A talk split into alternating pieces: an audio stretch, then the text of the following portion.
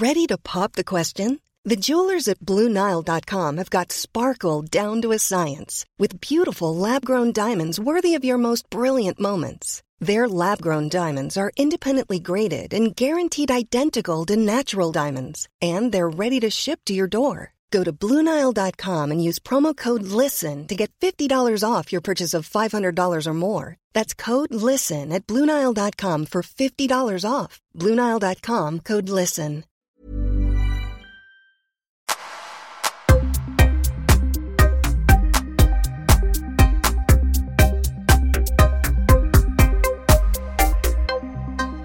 God fortsättning och välkomna till Öppet sinne och det som jag kallar för eh, Öppna mitt sinne.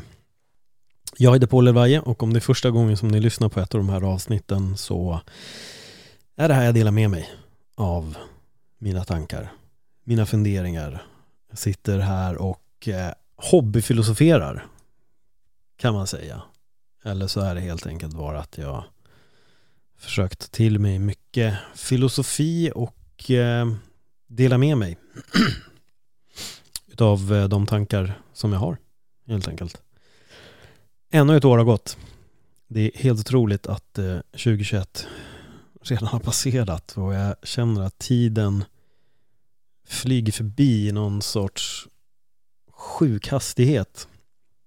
Jag hade min Smile här rätt så nyligen i podden och då kom vi in på det där med att ja, men du var ju med bland de första avsnitten när jag hade startat podden där 2018 och det blir fyra år sedan i juni. Jag har alltså på och gjort den här podden i tre och ett halvt år. Jag tror jag är uppe i nästan 190 stycken intervjuer. Jag vet inte hur många sådana här avsnitt jag har släppt av Öppna mitt sinne. Ja. det, har, eh, det har hänt en del. och vi lever ju, vi är inne i, vad blir det nu, andra året. Vi kliver väl in här i tredje året av den så kallade coronapandemin. Och jag tror att alla där ute tänker lite mer och då handlar det inte om att sitta och tänka och klura ut matematiska tal och sådär. Jag tror nog mer bara att alla vi är alla väldigt påverkade av det som pågår och det ger oss mer tid att tänka och fundera och eh, se vad som kanske är viktigt på riktigt. När ens, eh, jag vill inte säga friheter för då eh, det låter som den där frihetsrörelsen. Jag tycker det är jag tycker det är töntigt. Alltså här i Sverige har vi så sjukt mycket friheter om vi jämför med andra länder som har karantän. Så det är egentligen så löjligt att säga att man är inne och liksom trycker på våra friheter och hit och dit. Alltså jag går ut, jag går till gymmet, jag gör vad jag vill just nu. Eh, det är ingenting som direkt har förändrats. Sen tillhör inte jag kategorin som har ett behov av att sitta och dricka bärs och att jag måste få göra det klockan fyra på morgonen.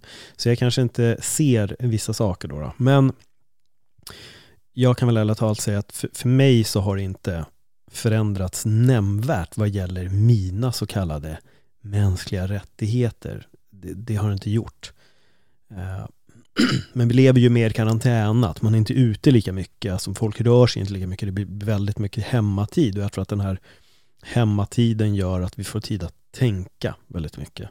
Och det kan gå åt många håll där. Det kan bli att man hoppar ner i någon form av så, här så kallad foliehattsgrej och man börjar leta efter konspirationer, man börjar tycka att alla ens mänskliga rättigheter är helt eh, åtstrypta och vi får inte göra någonting och det är, allting är skitläskigt och liksom, nu går allting åt helvete. Sen finns det de som tycker att corona är en extrem skräckpropaganda och att det är förmodligen inte sant och så väljer de istället då att tro att 5G är livsfarligt. Ja, och så vidare. Och sen finns det då de, vi kanske jag ska säga då, som i den här situationen istället börjar att tänka och resonera om sig själv. Så här, vad är viktigt för mig? Vem är jag egentligen?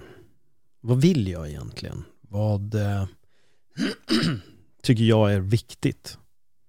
Jag kommer harkla mig lite för jag har, jag har haft en förkylning här i några dagar.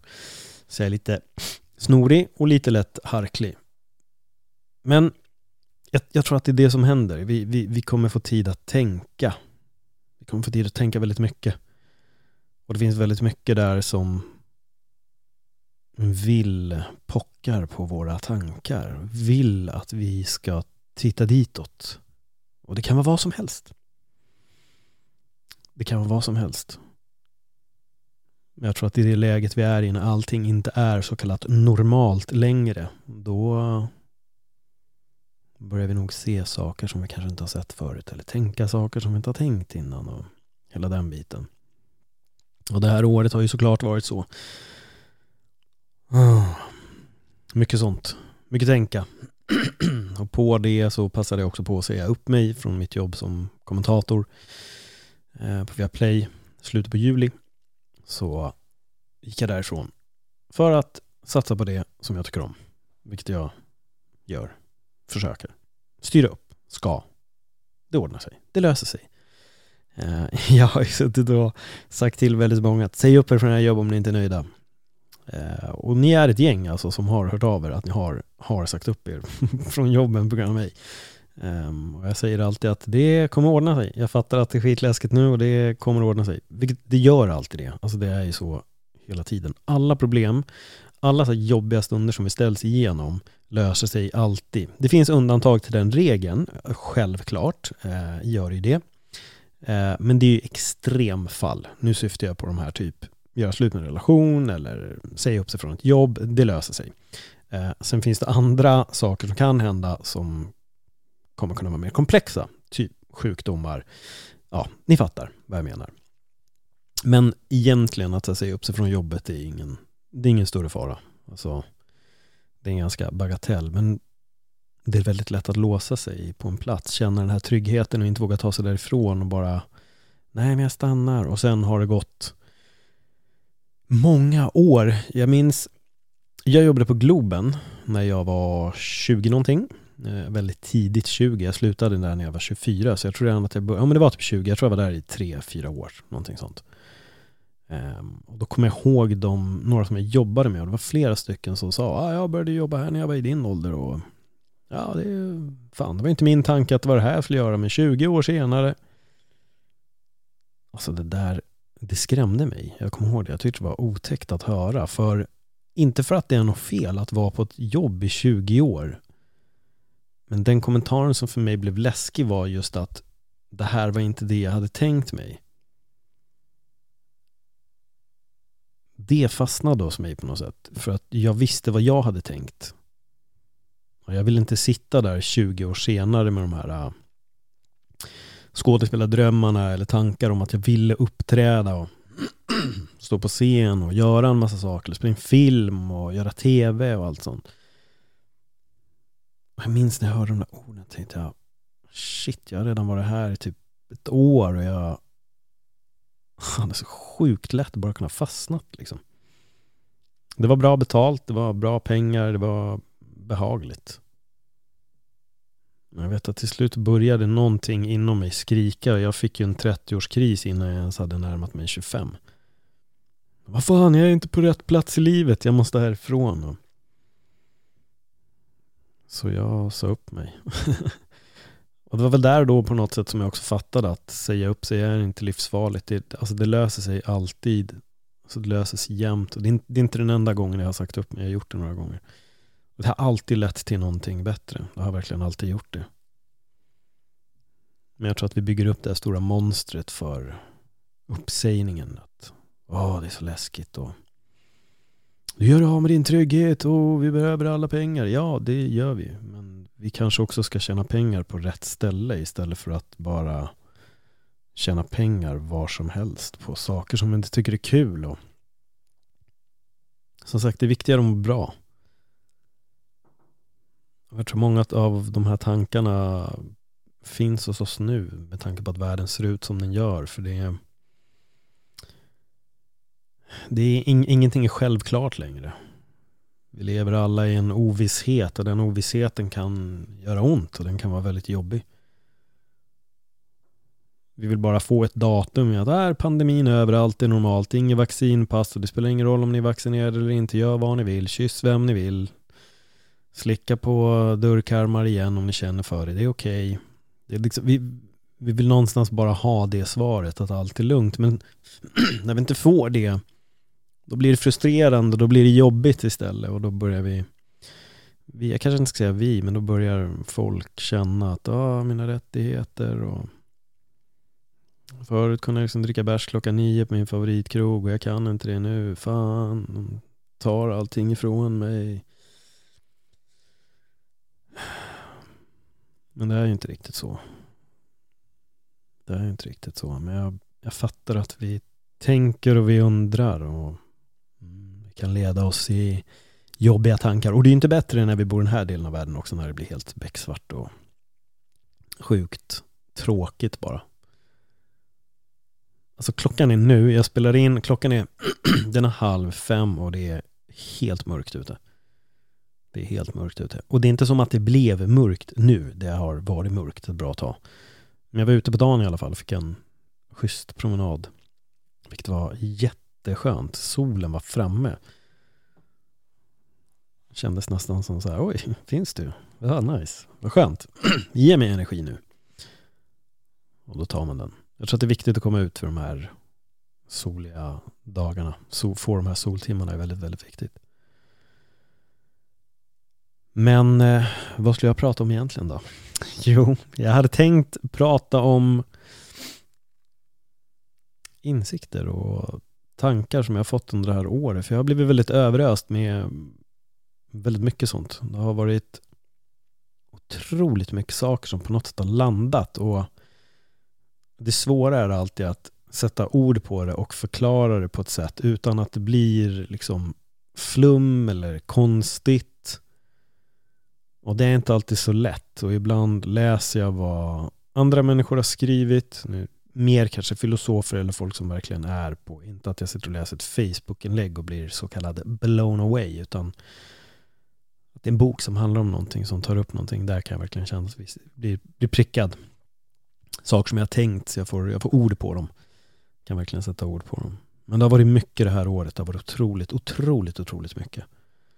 Um, ni vet att jag har sagt flera gånger att jag ser världen, det är som en cirkus och jag brukar uh, titta på spektaklet, se hur folk beter sig och Folk tror att de sitter på läktaren men de är högst involverade i det här spelet som pågår. Den här fantasin eller drömmen som Don Miguel Ruiz brukar kalla det.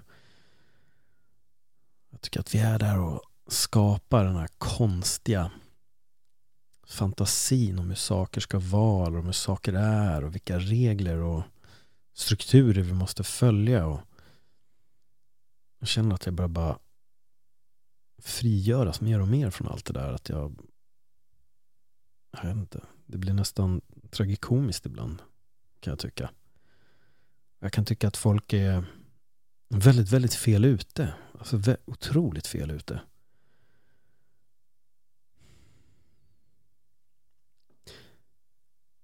Jag har sagt många gånger att det är väldigt mycket lättare att kräva att världen ska förändras än att förändra sig själv. Och de orden börjar bli mer och mer sanna för mig, kan jag känna. Och de har verkligen blivit det väldigt mycket på slutet av det här året. Folk ställer väldigt mycket krav. Otroligt mycket krav på hur världen ska funka. Inte att de ställer ett krav på mig eller på någon vän. Folk ställer krav på hur världen ska fungera, hur den ska vara hur allting ska ske, hur människor ska bete sig, vad de ska göra, vad som är rätt och vad som är fel. Och folk bryr sig väldigt mycket om det. Väldigt, väldigt mycket. Och jag ser det här otroligt mycket på sociala medier när det här börjar.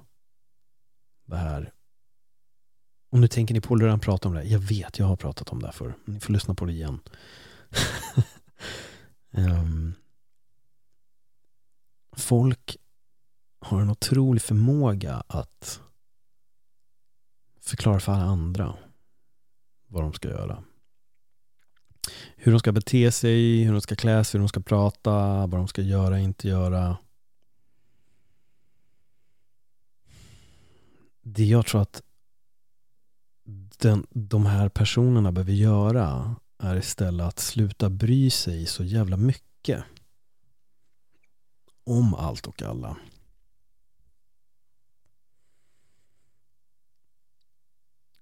Titta på dig själv istället. Påbörja din egen förändring. Det är nog det enklaste. Men vi blir matade med det här.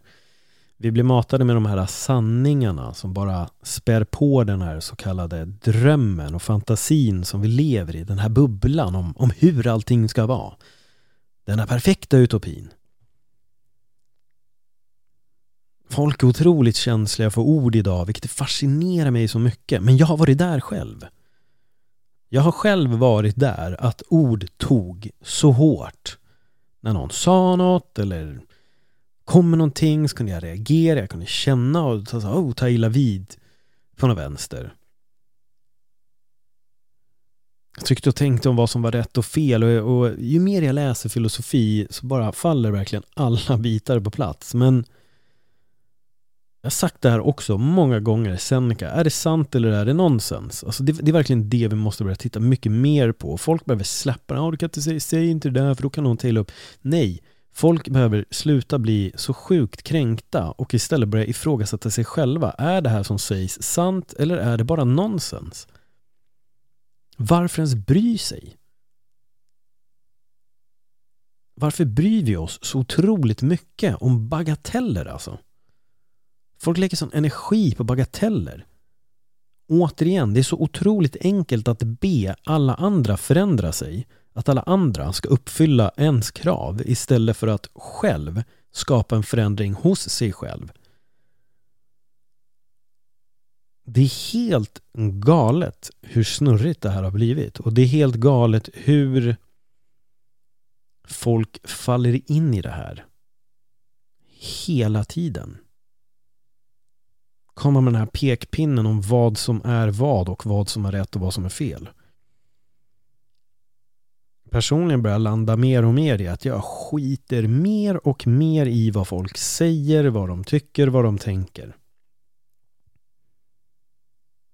För mig finns det en simpel regel på något sätt. Skada ingen. Det är väl egentligen det enda. Men om du väljer att bli skadad av ord, då får du ju rannsaka dig själv. Det är ditt eget fel. Och det är fler filosofer, stoicisterna pratar väldigt mycket om det här. Varför låter du en annan människas ord beröra dig? Speciellt om det är någon du inte ens känner. Vad spelar det för roll? Om din mamma eller pappa pratar om dig, ja men då, det är någonting att ta tag i. Då måste man sätta sig ner och diskutera. Nu pratar jag verkligen om personer som inte står en nära. Alltså, som en person har en tanke och en åsikt om mig som jag inte känner. Jag skiter fullständigt i det. Den, den, får tycka det, den får tro det. det. det. spelar inte mig någon roll och om någon vill kalla mig för någonting, vi tar det till exempel, ja, Paul du svartskall eller du är inte tillräckligt lång eller du, vad, vad fan som helst alltså. Okej. Okay. Ja, det, jaha. Japp. Det, det, det, är det så du känner? Ja. Men det, i grund och botten så är det ju bara den personen som har någonting som är jobbigt. Alltså hos sig själv. Och det är därför då den kastar ut alla de här grejerna. Så brukar det vara. Det är sällan den som mår bra som spyr galla på andra. Oftast är det den som, inte, som är missnöjd med saker och ting då. Som vill sprida ut det här alltså så kallade giftet på alla andra. Men jag känner verkligen bara mer och mer att jag börjar så bli förvånad över att fler inte upptäcker det här spelet som pågår. Den här på något sätt jävla charaden som folk springer runt och håller på med. Där man ska spela smart och förklara och hit och dit. Jag hörde den roligaste grejen bara för någon dag sedan. Det är någon kinesisk tecknad film, och det här är verkligen, jag har, inte, jag har inte kollat upp det här, men det här var någonting jag såg. Det var en kinesisk tecknad film som alltså har blivit anklagad för att vara stereotypisk. Den, folk menar i västvärlden då att kines, alltså, alltså att den här filmen är stereotypisk mot kineser, även fast den är gjord av kineser för kineser i Kina. På grund av hur de har målat karaktärerna. Men alltså är det, är det där vi har landat? Att vi sitter och lägger så snurrig fokus? Men jag kan tänka mig många gånger att de här personerna som landar i det här tittar aldrig på sitt eget. Och nu kommer då en så, ja men Paul har du aldrig sagt någonting? Vad har du aldrig gjort? Och du har ju varit komiker för du måste ju ha kommit med så jävla mycket. Ja, det har jag. Absolut, och det är också en sån här polett som har fallit på plats för mig. Men jag kan säga en sak först och främst. Är man komiker så i min mening, då har rätt att skoja om exakt vad som helst. Men det måste vara roligt. Är det inte kul, då är det inte ett skämt. Det är så jag ser det. Men för mig finns det, åh du kan inte skoja om det här. Det finns saker jag inte väljer att skoja om kan jag säga. Men jag kan inte hindra någon annan. Jag kan aldrig hindra någon att skoja om någonting. Jag har absolut dragit skämt som man säkert idag kan tycka och tänka vad man vill om. Absolut. Det har jag. Men för mig handlar det inte om saker som jag har gjort på scen. För mig handlar det nog mer om istället det här att jag har kanske har suttit och kommenterat grejer och ska vara lustig när det inte är rätt plats. Och folk gör det på mina inlägg då och då. Att de kommer de här och säger så här, ja fan, ja, vad, Alltså, jag skiter ju att svara men det, det slår ju mig också att jag har ju gjort exakt det här och den här personen kanske kommer fatta om några år att så här, ja, jag förstår att du försöker vara rolig men det är inte kul. Alltså så. Men det har jag absolut tänkt väldigt mycket på, att jag också varit där och så här, fan bokstavligen egentligen saboterat folk så här sköna inlägg med att jag ska vara rolig, haha. För att jag är komiker och vill leva upp till någon form av roll liksom.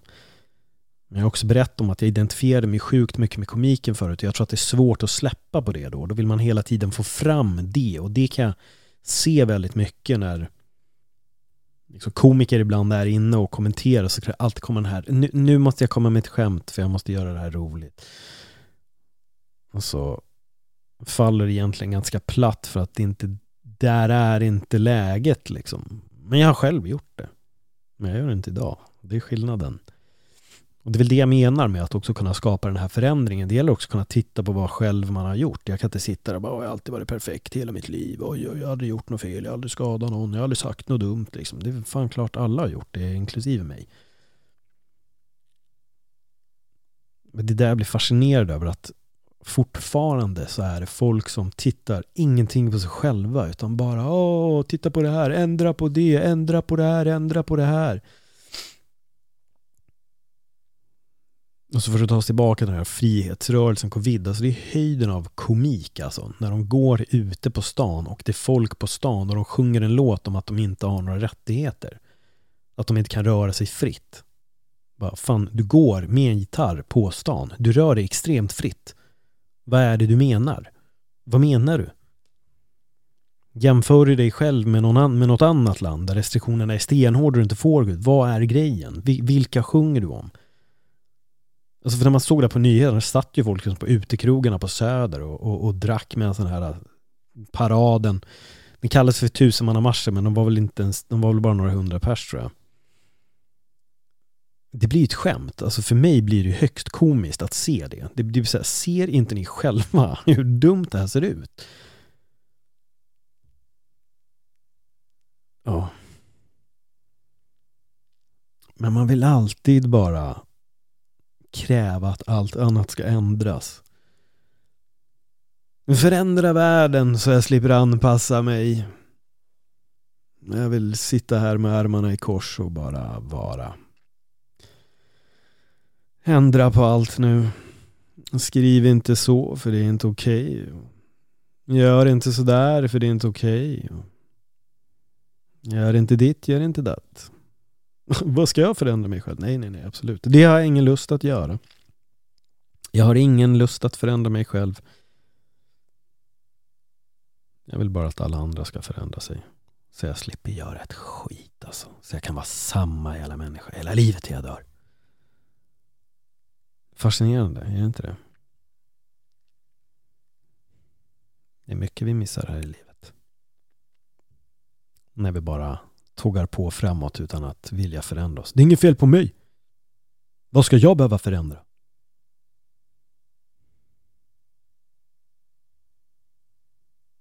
Jag minns när jag påbörjade den här så kallade inre resan. Liksom. När små insikter började falla på plats och jag tyckte att det var jobbigt. Alltså det var så sjukt jobbigt. Och jag vet att jag mådde väldigt dåligt. Jag kommer att jag mådde väldigt dåligt under typ några veckor. Så jag, jag ville inte se det jag började se. Eh, på något sätt. Och, och det här är också en sån här grej som ni som vet vet, ni som inte vet, ja ni kommer kanske upptäcka det. Eh, det är nog egentligen bara så jag kan säga, men när man helt plötsligt börjar inse att så mycket av det man har alltså uppfostrats till, och då syftar jag inte bara på för, utav föräldrarna, utan alla. Vi blir uppfostrade av alla. Alltså vi blir uppfostrade av våra vänner kan säga saker till oss som kommer att prägla oss för resten av våra liv. Alltså. En vän kan slänga ur en kommentar om en sak och inte tänka på den grejen någonsin igen. Det behöver inte vara negativt, alltså det behöver inte ens vara en negativ sak. Det skulle kunna vara så simpelt som att grönt är egentligen mer grått. Och så bara fastnar den tanken hos en. Att den stannar liksom kvar tills man 20 år senare inser att nej, fast grönt är faktiskt bara grönt. What? Varför har jag tänkt att det alltid är lite mer åt det grå hållet? Varför har jag gjort det? Nu är det här ett jättedumt exempel. Men, men helt plötsligt börjar du inse de här små subtila sakerna om hur du tänker och om du, hur du ser på världen, på folk, på allt. Och när det sakta men säkert börjar att raseras lite det är ganska jobbigt. Det är en väldigt jobbig känsla för man vet inte var man kommer landa. Man vet liksom inte vad man kommer landa. Man börjar känna sig bara, vad fan, var, var, varför har jag tänkt och tyckt så här förr och liksom nu, jag, jag kan inte, jag står inte för de här längre.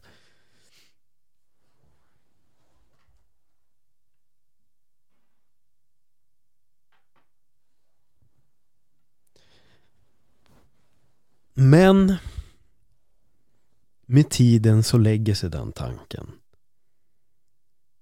Man börjar inse nya saker.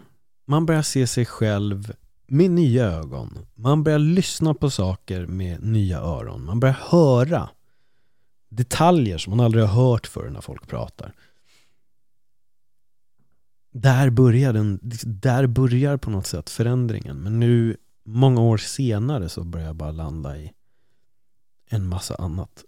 För er som följer mig på Instagram så har ni nog sett att jag har, eh, att jag läser boken Att tänka som en munk.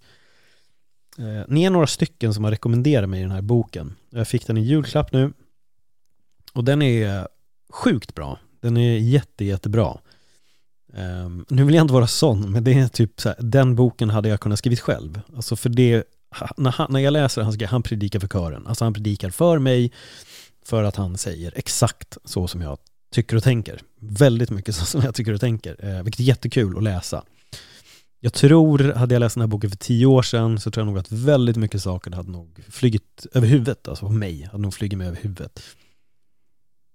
Men just nu när jag läser den så märker jag verkligen att den prickar mig vid helt rätt tillfälle i, eh, i livet. Och han lägger ord på väldigt mycket tankar som jag har, att han, han definierar dem väldigt bra. Och jag har sagt, jag, jag vet inte om jag har sagt det här i podden några gånger, för att dela med mig.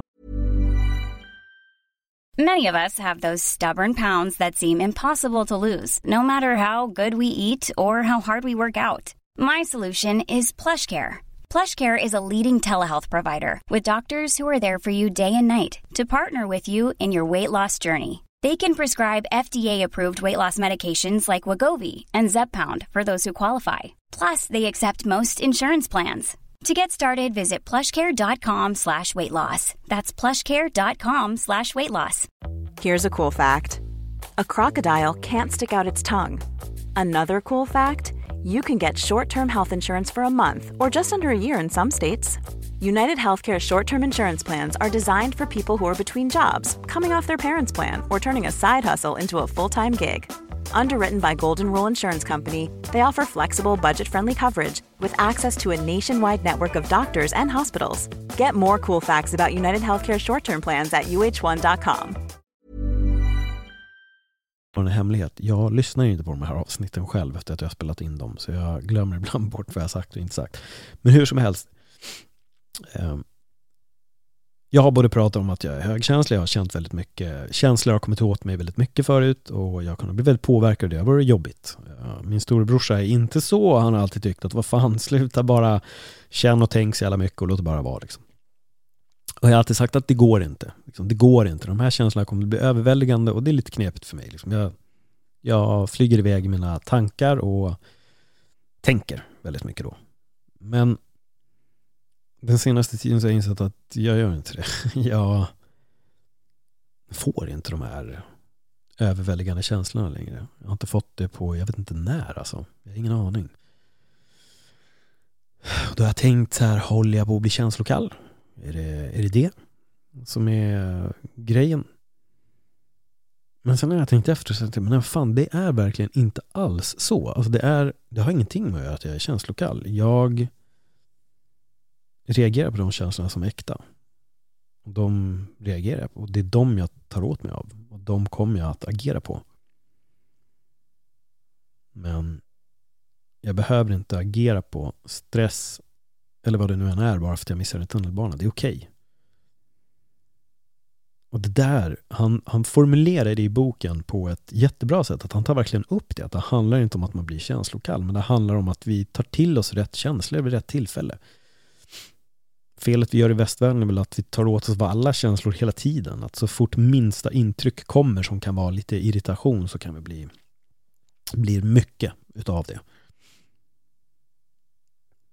Men jag tänker på det här så mycket under det här året. Jag bara, alltså, ha, håller jag på att bli känslokall? Vad fan har hänt? Så här, men jag tror att jag har gått ifrån att känt och tänkt väldigt mycket till att bara landa och verkligen så här förstå när jag behöver känna, förstå vilka känslor som är äkta ehm, och vad jag behöver ta åt mig av, vilken stress jag behöver ta åt mig av, vilken jag inte behöver ta åt mig av. Att jag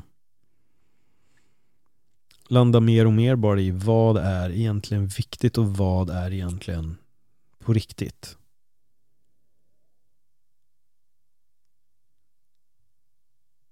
Det är nog det jag har gjort och det är det jag har, tänkt så mycket på, på just den biten alltså. Och jag vet inte vad det är som har gjort att jag har landat i det. Men jag tror bara det är insikter. Alltså att lä läsa hela tiden analysera mig själv. Som han skriver också i den här boken. Så här, gå till roten av vissa problem. Hitta varför känner jag rädsla? Vad, vad beror det på?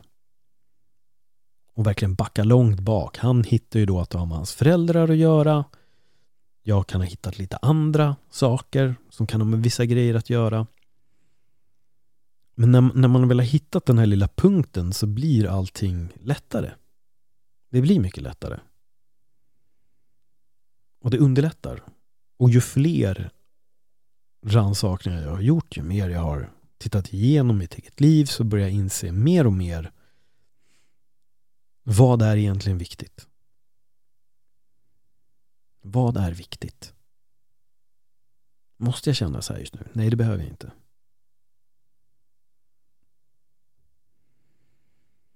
Jag tror det är därför jag också reagerar så mycket på alla personer som ska förklara för andra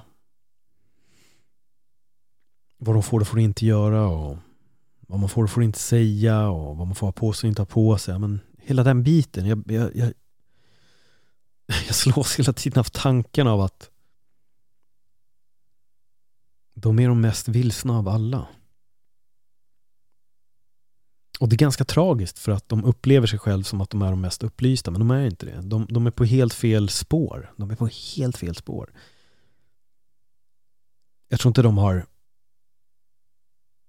liksom, tänkt igenom sig själva överhuvudtaget. Men problemet här blir ju också då att det är väldigt lätt att sitta och bara läsa sånt som bekräftar ens världssyn hela tiden. Ehm. Och där skulle jag väl ändå säga att skillnaden på det jag gör är väl den egna utforskningen. Att jag läser mycket om det.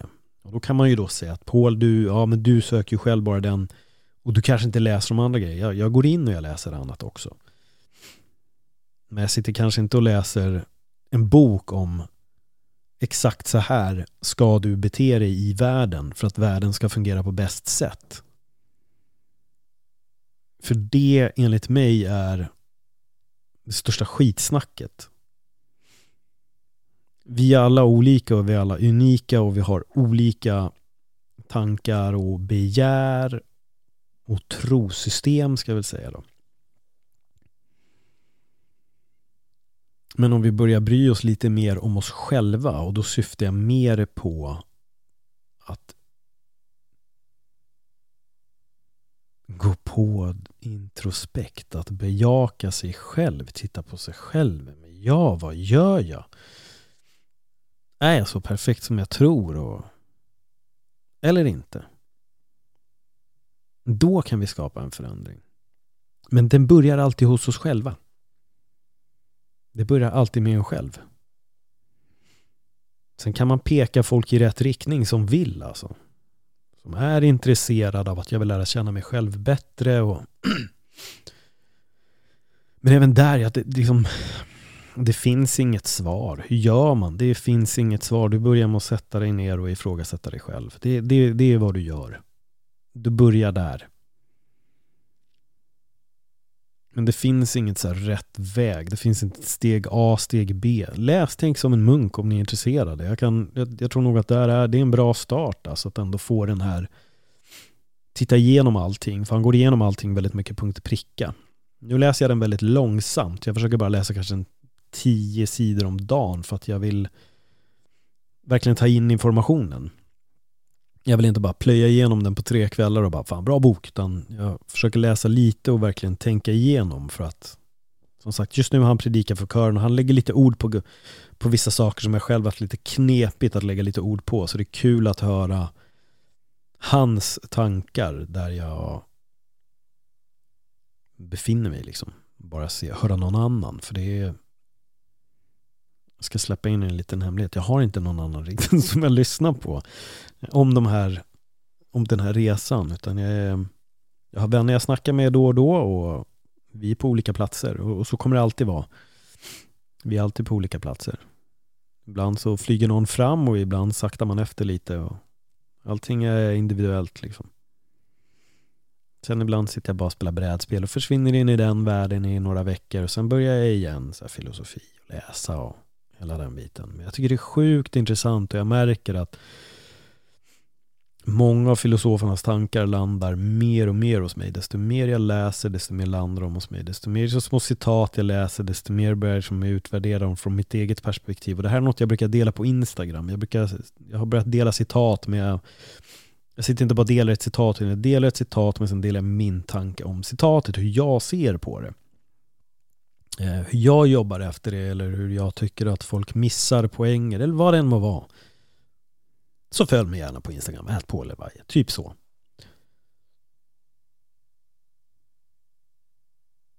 Men det är en jävla sjuk resa. Alltså det är så Det är så konstigt.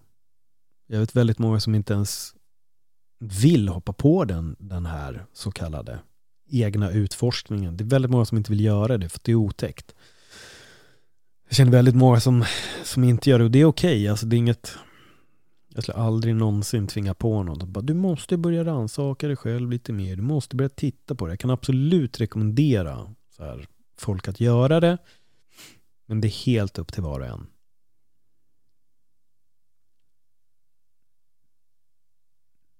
Jag tycker det, det är det här jag tycker på något sätt är bra med det här mediet. Det finns en möjlighet att få ut de här historierna. Jag önskar själv att jag kunde ha lyssnat på någon när jag var typ 20-årsåldern och var väl liksom vilsen. Så jag önskar att de här citaten hade kunnat nått mig. Men då fanns internet via alltså hemtelefon och det tog sjukt lång tid för att få ner en bild. Och att hitta citat, det var ingenting som som jag tänkte på, filosofi var nog mer bara ett tråkigt ämne. Det var väl så jag såg på det här. Bara, filosofi är sjukt tråkigt tills jag väl blev äldre och började läsa citat, började läsa filosofi och nu är jag fast och jag blir bara mer och mer inspirerad över hur folk tänkte för liksom tusentals år sedan. En tid då man hann tänka. Nu lever vi i en tid då vi lika gärna har ingen tid att tänka för att vi är begravda i våra telefoner. vi distraherar oss själva hela tiden med bruset. Vi sitter med telefonen, vi scrollar Instagram, vi scrollar Facebook, vi går in på Aftonbladet, vi kollar mail, vi kollar Twitter, vi går in på fan jag, TikTok, Snapchat, YouTube. Vi sitter och går in på vår favorithemsida och sitter där och sen lyssnar på, på musik och så liksom, det händer hela tiden någonting. Vi, vi Alltså vi kan inte ens gå och skita längre utan att sitta med telefonen i handen. Alltså det är... Förstår ni egentligen vilken punkt vi har hamnat i, i vår, i vår hjärnas stress alltså? Alltid sitta och ta in någonting hela tiden. Det här, ta en miljon beslut varje dag. Vilken bild ska jag titta på? Ska jag gå in? Vilken app? Vad ska jag göra? Vad ska jag läsa? Vad ska jag göra? Så bara sitter vi där. Beslut, beslut, beslut, beslut. Förut vaknade vi upp i vår lägenhet, man hade en TV, man kunde ha en video kanske. Det fanns typ ingen tv-spel ens hemma. Man valde att läsa en bok, det var ett beslut. Här. Jag vill göra det här och så hade man tagit det beslutet. Nu tar vi fram vår telefon, det är ett beslut, som har vi tagit 10 000 beslut, alltså på x antal minuter så har vi tagit så sjukt många beslut.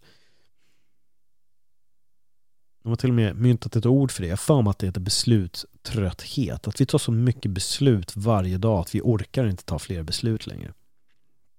Därför blir det typ jobbigt att gå in och beställa mat. Det är jobbigt att ens tänka på vad vi ska ha på oss. För vi tar redan så många beslut att vår hjärna är trött. Men sen har vi det här mediet också där folk kan prata och dela med sig av tankar. Man kan läsa intressanta inlägg. Du kan om du vill bli en raketforskare via din mobil men du kan också bli helt bränd i huvudet. Det beror helt på vilken information vi väljer att ta till oss av. Men oftast så väljer vi det enkla, det otroligt lättsmälta och det hjärndöda för vi pallar inte tänka. Då är det lättare att slå på YouTube, kolla på någon influencer. Det är lättare att följa någon, någon influenser på sina sociala medier eller lyssna på deras poddar när de pratar om egentligen så här ingenting. Vi var ute på fest, det var så jävla coolt och så blev vi fulla och så gjorde vi det här, så gick vi på McDonalds och så gjorde vi det. Och jag fattar, det fyller sin funktion att lyssna på det också. Absolut, jag kollar själv på ibland det mest hjärndödaste av program för att det är skönt. Förutom Fast and the Furious, jag tittar inte på Fast and the Furious. Det är det enda jag inte tittar på. För det är dåligt. Men jag fattar, alla de här grejerna har sin, fyller sin funktion. Sen är jag rätt medveten om att ni som kommer till den här podden som väljer att lyssna på de här avsnitten, ni är antingen på den här resan själva eller så är ni otroligt nyfikna på det. Ni vill stänga av bruset. Ni är också trötta på allt skit man blir matad med hela tiden. Jag tror att ni någonstans också är trötta på att höra det här. Så här gör man. Och ni är nog mer nyfikna på vad finns egentligen här inne?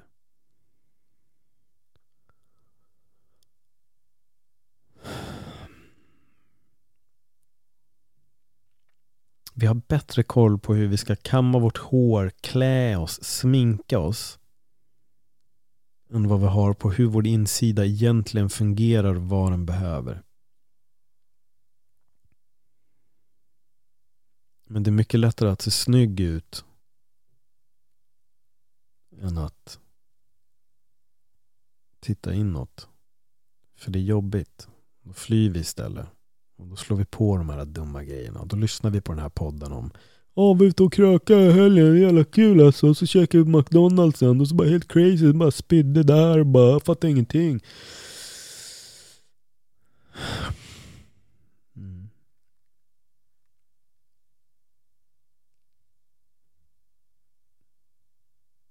Vad är framgång för dig som lyssnar? Hur anser, vad är framgång för dig? Och vad är lycka? Egentligen? Vad är egentligen lycka?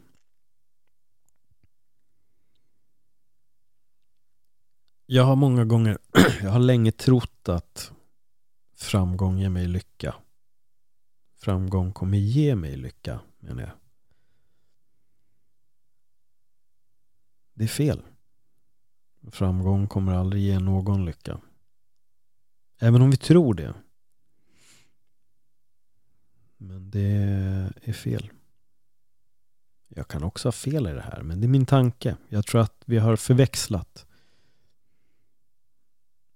väldigt, väldigt mycket det här. Vad, egentligen, vad är egentligen lycka och vad är egentligen framgång?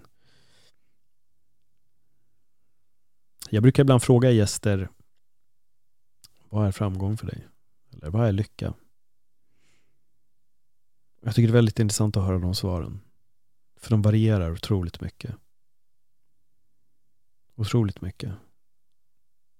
Det finns kanske inget rätt eller fel svar. Det finns vad jag tycker är rätt och vad jag tycker är fel. Men det betyder inte att det är rätt. Det jag tycker. Men jag tror att vi skulle behöva prata mer om vad gör oss egentligen lyckliga? Är det att ha 100 miljoner på banken eller är det något annat? För jag satt och tänkte väldigt mycket på det idag. Så tänkte jag på det här att när jag ville bli skådespelare så var jag, det här är också att det stod i, i boken Att tänka som en munk. Det var mer ett begär än någonting annat. Att nå den här punkten där så här, jag är skådespelare, jag har något, någon form av kändisskap. Liksom. Fortfarande en stor passion för mig att hålla på med film. Det är en jättestor passion för mig. Jag älskar fortfarande film och dess konst och liksom skriva det. Jag älskar det. Alltså, jag tycker det är jättekul. Jag har alltid tyckt. Men jag tror också att det fanns ett begär av någonting. Att uppnå en viss status. Jag tror att väldigt många är där tidigt i livet. Sen finns det de som, som stannar kvar där hela tiden. Att det alltid det är en status. Att nå en viss punkt. i en så här, jag är det här.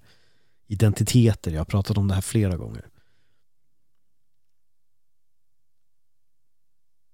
I dagsläget, jag skulle inte kunna bry mig mindre alltså.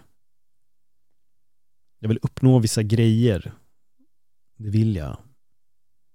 Såklart, jag skulle vara jätteglad av att ha 100 miljoner på banken. Det är väl ingen som inte skulle tycka att det var skönt, så här, avslappnande att bara ha veta att jag behöver aldrig någonsin tänka på pengar igen för det finns. Såvida jag inte bränner det liksom, som en dåre.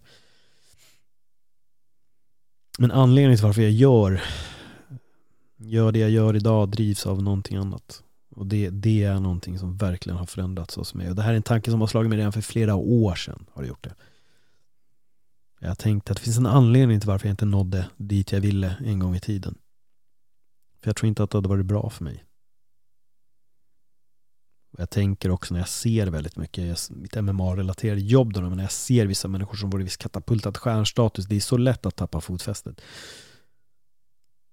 Och jag vet att jag hade gjort det, om jag hade hamnat där. Jag, jag är helt övertygad. Jag hade också tappat fotfästet helt. Jag, jag har tänkt på det där så många gånger. Och jag tror inte jag hade blivit den person jag är idag om det vore för det. För då hade jag säkert varit konsumerad av, av mitt ego på ett vänster. Din podd är väldigt ärlig när du gör öppet, öppnar mitt sinne och det är väldigt naket. Jag fick höra det senast igår. Mm. Jag tänker inte så mycket på det. Jag sätter mig oftast bara och pratar och det som kommer ut, det kommer liksom ut. Sen lyssnar jag inte på det här och jag sätter mig inte och redigerar. Så om ni undrar varför det blev tyst väldigt länge och lät lite konstigt typ 20 minuter bak så var det för att jag släckte ett ljus. Jag hade tänt ett doftljus här. Så tänkte jag först, jag kan klippa bort det där. Sen tänkte jag, äh, fan, jag hör något knister och knarr där någonstans vid minut 20 någonting eller vad det är. Det började lukta för mycket doft. Jag tyckte inte att det var gott så jag blev distraherad så jag blåste ut det. Och jag orkar inte pausa. Där ser ni hur ärlig jag är med den här podden. Ni ser.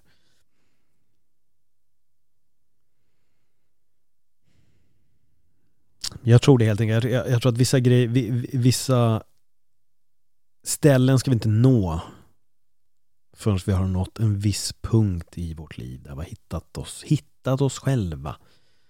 Landat i oss själva. Jag önskar att man pratade mer om sånt här i skolan. Jag önskar så mycket att man pratade mycket mer om vårt inre, om vårt medvetande, om hur vi funkar, tankar, känslor. Men det händer inte. Såvida du inte har en skitbra lärare som tycker det är intressant att prata om det själv.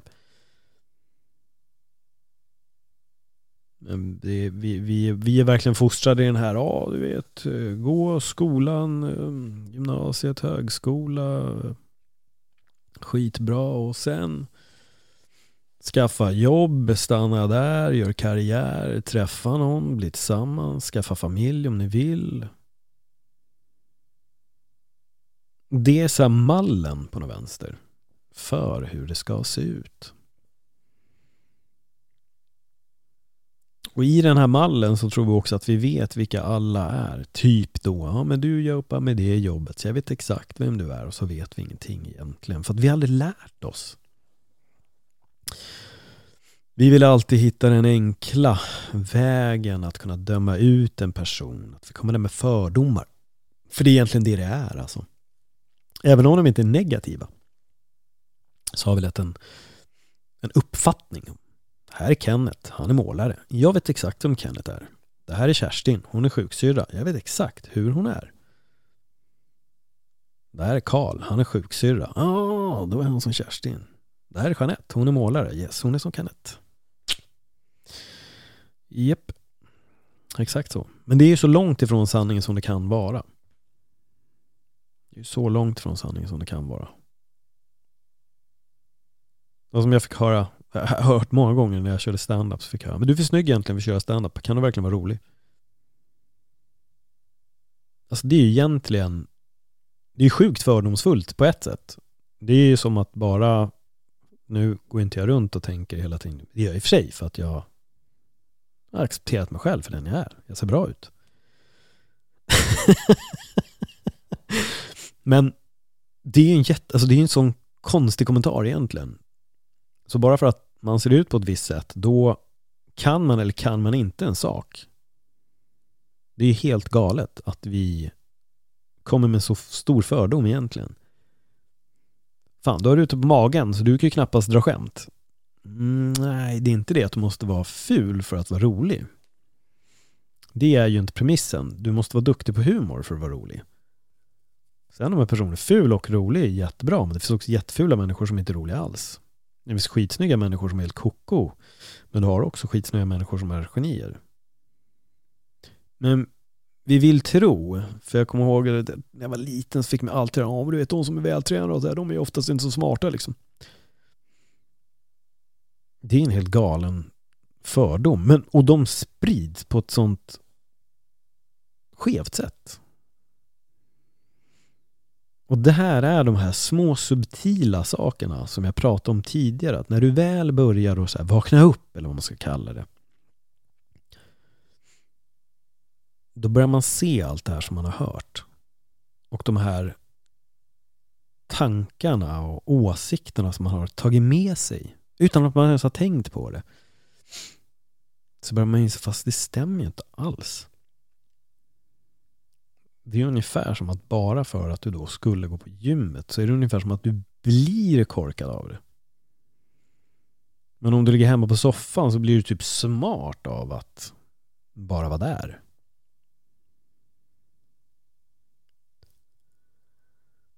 Som sagt, vi har väldigt konstiga idéer om hur människor är, hur eh, jorden fungerar och, och snurrar och ska vara. Men vi behöver titta lite mer på oss själva och börja där. För som det fina citatet en gång sa, när du pekar på någon så pekar tre fingrar tillbaka. Kom ihåg det. Och där kommer jag säga tack för att ni lyssnade. Det är 50 minuter in och ni har eh, stått ut. Ni har eh, lyssnat på allting som jag hade att säga. Och det tackar jag dig för. För du hade verkligen kunnat gjort någonting annat. Men du har valt att stanna kvar här med mig i 52 minuter och det, det vill jag tacka dig för. Att du tar dig tid att lyssna på, på mitt filosoferande, mina tankar, mina funderingar och allt sånt.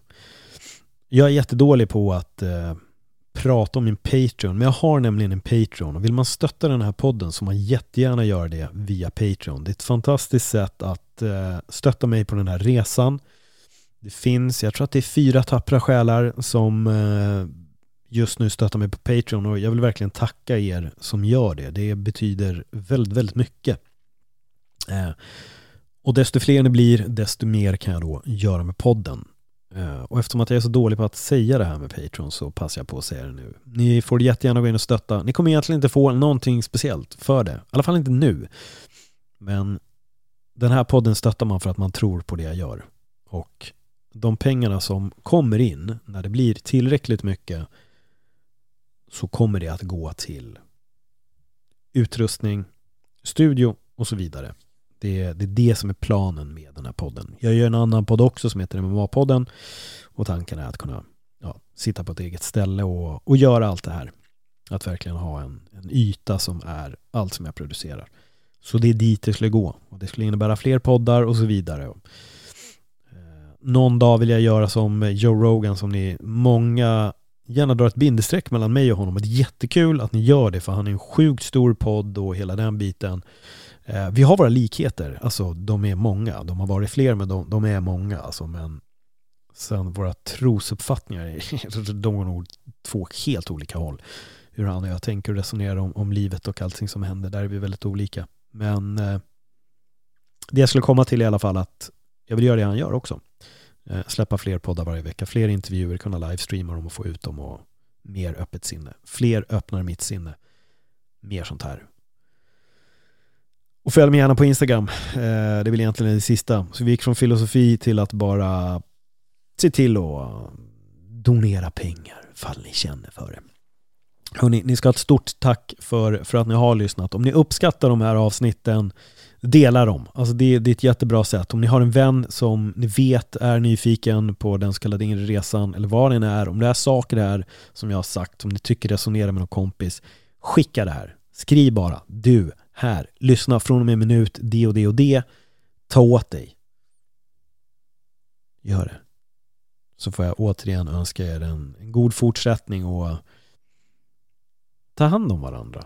Alltså, visa verkligen de som står dig nära att du bryr dig om dem. För det är en, det är en speciell tid och nu pratar jag inte bara om pandemin utan nu pratar jag om Matteus grått. Alltså om det är någon som du bryr dig om så säg det. Eh, vi är väldigt dåliga på att säga det. Vi är väldigt, väldigt dåliga på att säga det. Så gör det. Hör av er till dem som ni bryr er om och säg att ni tycker om dem och, och allt sånt. Det betyder jättemycket att eh, få höra det det kan vara väldigt skönt att säga det också. För eh, vi är lite dåliga på det i den här delen av världen. Hörni, ha det jättebra. Hej då.